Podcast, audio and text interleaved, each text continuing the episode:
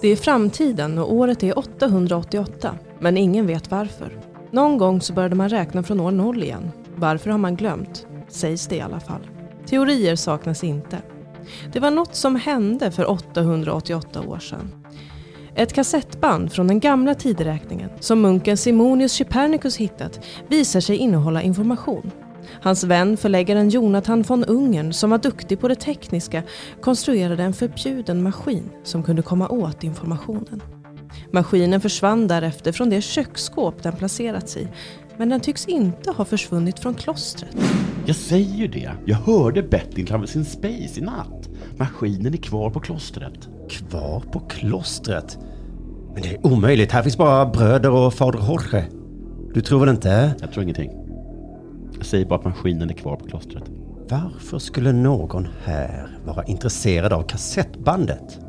Varför är du intresserad av kassettbandet? Därför att jag tror att det kan säga oss något om de människorna som levde då och det de gjorde. Ja, sånt kan vara kul att veta.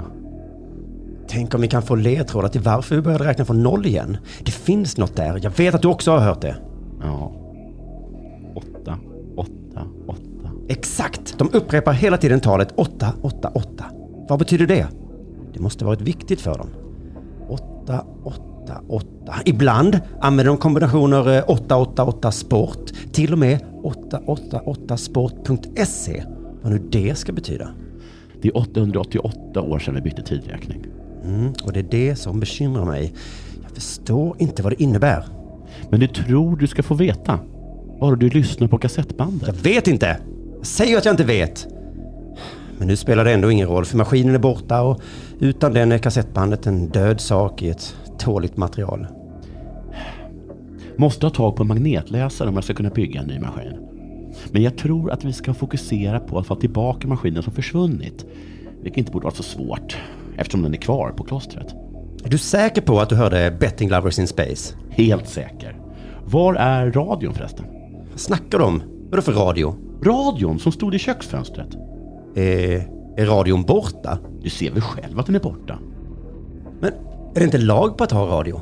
Det var lag på att ha radio. En av många impopulära lagar som kung Kristoffer den fule hade infört. Så det handlar inte om att tvinga på någon en radioapparat. Det handlar om att erbjuda människor en möjlighet att ta del av kultur, nöje, bildning, nyheter och musik i sitt eget hem. Därför har vi, eller jag, gjort då den här jättesatsningen med ofrivilliga radioinstallationer i alla hushåll.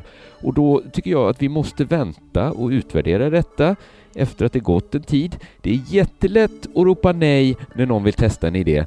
Men jag ska säga att jag, jag är väldigt stolt för alla ofrivilliga radioinstallationer vi har gjort.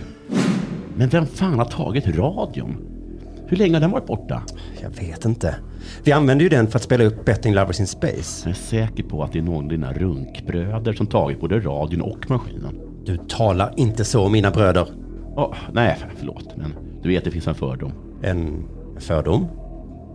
Ja, du vet eh, att ni liksom eh, runkar mycket här på klostret. Kan du inte bara vara tyst, Jonathan? Nu går vi till våra celler. Ska du... Eh... Nej, det ska jag inte! De två skildes åt och gick till sina celler. Simonius för att meditera. Jonathan var trött efter en nästan helt sömnlös natt. Middag fick Simonius äta ensam. När natten sänkte sig över klostret sov Jonathan von Ungern ännu djupt och hörde inte ljuden som studsade mellan stenväggarna. Och för första gången på kanske tusentals år hörs rösterna från år 2121 som en gång var framtiden för de ännu äldre folken.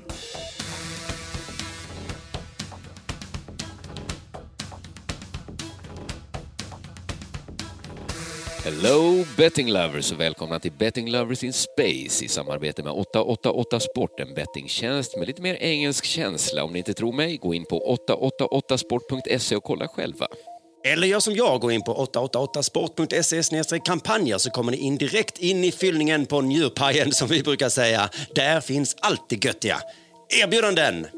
Och ibland är det galna veckor på 888sport.se. Då är det veckans betbooster med uppcrankade odds på alla marknader, vissa utvalda matcher. Innan vi slutar ska vi skicka ett extra stort grattis till alla ni lyssnare som befinner er i Lilla Björn och Cassiopeia.